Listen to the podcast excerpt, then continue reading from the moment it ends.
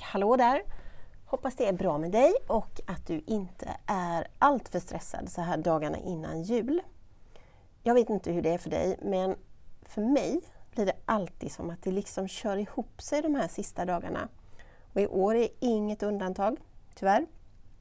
Toppat med förkylningar i familjen så blir det minst sagt stressiga dagar. Jag vill liksom hinna jobba undan så mycket som möjligt så att när jag sätter mig i bilen för att åka till fjällen och fira jul, då vill jag känna att jag kan vara ledig med min familj. Så vad gör jag då? Vad, vad är det jag behöver jobba undan? Ja, men dels förbereder jag mina egna nyhetsbrev och eh, blogginlägg. Jag gillar att ligga steget före. Eh, dels har jag flera VIP-timmar framför mig den här veckan tillsammans med härliga människor som har bestämt sig för att satsa på sin LinkedIn-profil. Så himla roligt!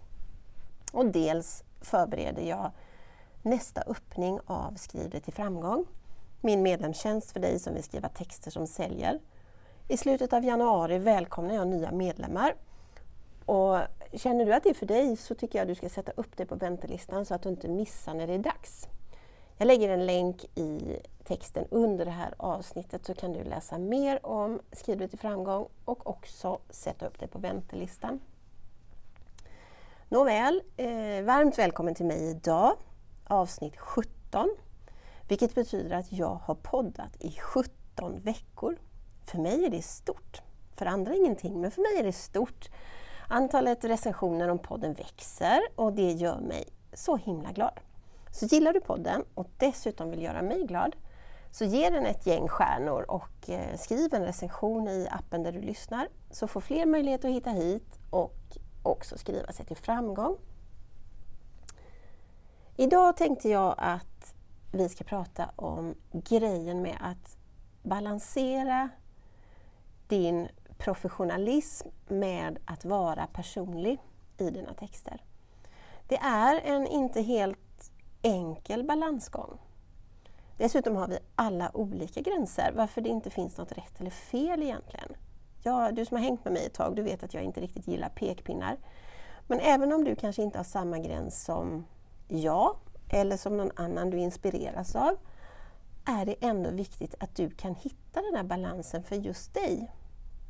Det betyder nämligen mycket för dig och ditt personliga varumärke att du har synliggjort och också tydliggjort var din balans finns. Det blir så mycket enklare att kommunicera i text då. Det är viktigt att vara personlig, att våga vara personlig. Det har jag pratat om tidigare i avsnitt 10 tror jag. Och jag skulle kunna prata om det igen och igen och igen. Därför att det är så himla viktigt. Att vara personlig när du skriver, det skapar en relation och en känsla av att du, att du är relaterbar. Att du är som jag. Samtidigt så får du inte förlora din professionalitet. Det är precis lika viktigt. Du får inte skriva något som känns halvbra. Du får inte skriva, eller får, nu är jag ju där med pekpinnar, jag menar inte får, men du bör inte skriva något halvdant, inte mellanmjölk, inte för, för personligt, höll jag på att säga, för privat. Det, det, är en balansgång och den kan man behöva jobba med hela tiden. För även om du är personlig, när du är personlig, när du delar personliga tankar, känslor, åsikter, idéer och vad det nu kan vara, så kan du ändå använda dig av din professionella ton som också skapar förtroende. Låter det svårt? Det kan det vara, absolut, det är svårt. Men det är ändå fullt möjligt.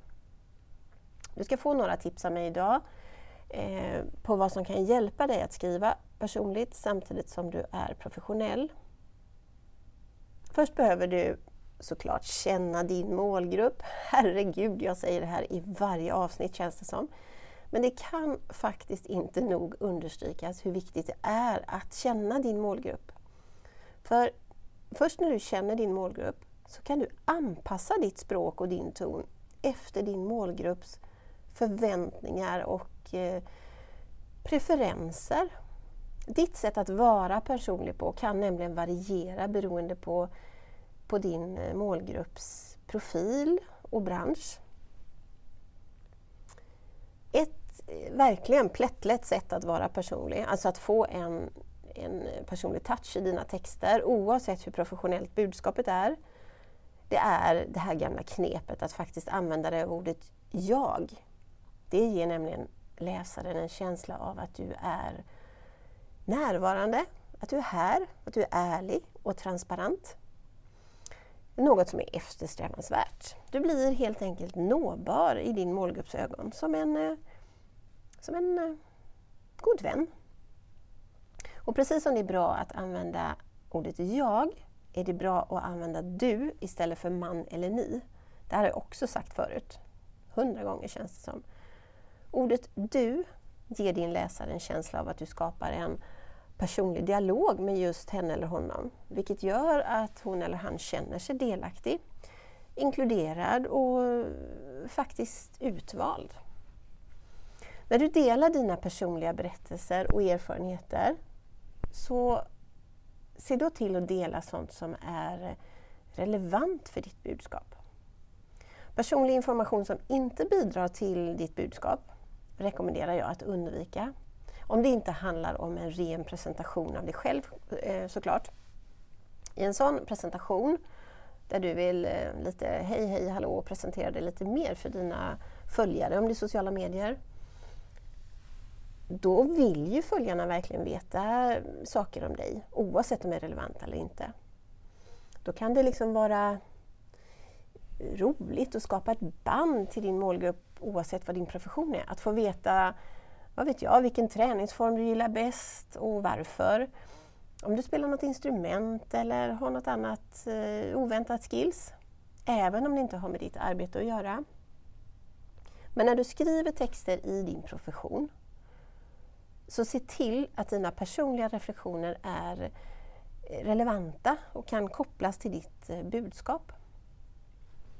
Om vi ska ta ett exempel så kanske du liksom jag har stått och tittat på ditt barns fotbollsmatch eller handbollsmatch eller vad det kan vara eh, någon gång och samtidigt förfärats över någon förälders eh, hetsiga gapande på barnet eller tränaren eller domaren eller det andra laget.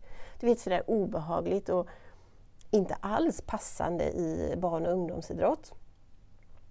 Om du då nämner den här händelsen du har varit med om, den här erfarenheten, utan att koppla den till ditt budskap, så faller den liksom platt och lämnar läsaren med en känsla av Jaha, vad ville hon säga med det här då?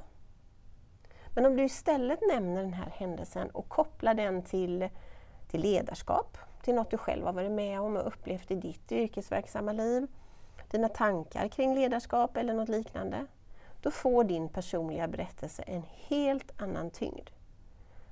Då visar den på reflektion och säger ganska mycket om dig som människa, företagare och ledare. Och det gör jättestor skillnad. Så kom ihåg att dina personliga berättelser ska ha relevans i förhållande till ditt varumärke, till ditt budskap. Som företagare så behöver du skriva väldigt många olika sorters texter. Och du behöver ändra tonen lite efter ämne.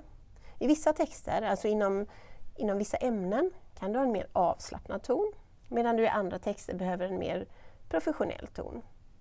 Kanske behöver du till och med ha en formell ton emellanåt, vad vet jag.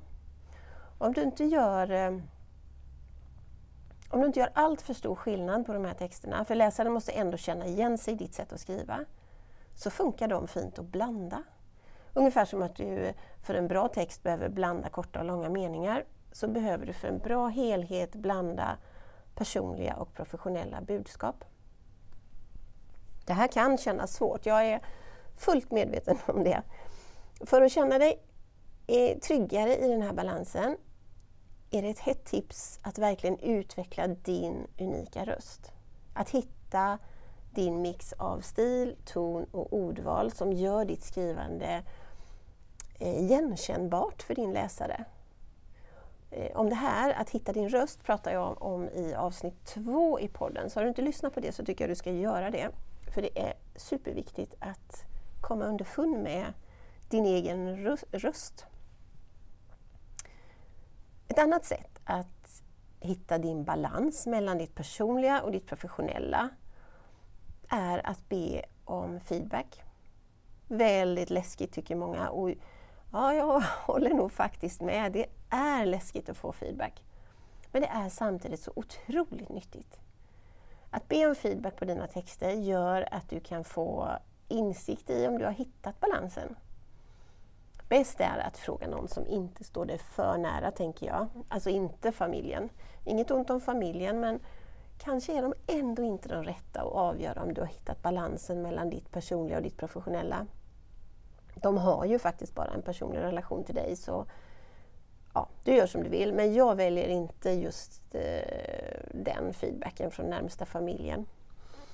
Dessutom är människan sällan så bra på att ta emot feedback, tips och råd från de allra närmaste. Vi är helt enkelt för personligt involverade i varandra. Kanske har du istället någon härlig branschkollega du har tillit till och känner dig trygg med och som du kan be om feedback. Ibland kan andras perspektiv hjälpa dig att hitta den här så viktiga balansen. Och just det, när du strävar efter balansen så kom ihåg syftet med den specifika texten. Alltså stirra dig inte bara blind på balansen så att du inte tappar bort själva syftet. Det är också en avvägning du behöver göra. Om det här fortfarande känns lite klurigt, vilket igen då jag förstår, för det är faktiskt klurigt, så kan du prova att göra en, en eh, enkel övning. Så här, om du börjar med att reflektera över dina personliga varumärkesattribut Alltså vad det är som gör dig unik. Vilka värderingar och egenskaper representerar du och ditt varumärke? Sen väljer du tre nyckelord som representerar ditt personliga varumärke. Det här behöver vara ord som representerar både din personlighet och din professionella roll i den här övningen. Jag skulle kunna till exempel välja ord som eh, ja, generös, omtänksam och tydlig. Och när du har gjort det här, då är det dags att koppla ihop varje personligt nyckelord du just tog fram till en mer professionell kontext. Hur kan du integrera dina nyckelord på ett relevant sätt för din målgrupp? Det kan du behöva fundera en liten stund på, men det, det är viktigt. Och sen kommer du till, när du är klar med det, då kommer du till det allra roligaste nämligen att skriva. Skriv en kort text där du inkluderar dina personliga varumärkesnyckelord, det var ett jobbigt ord att säga, på ett sätt som är både personligt och professionellt. En balanserad text skulle vi kunna kalla det. Eh, om du skriver en sån här text och publicerar någonstans så får du jättegärna tagga mig.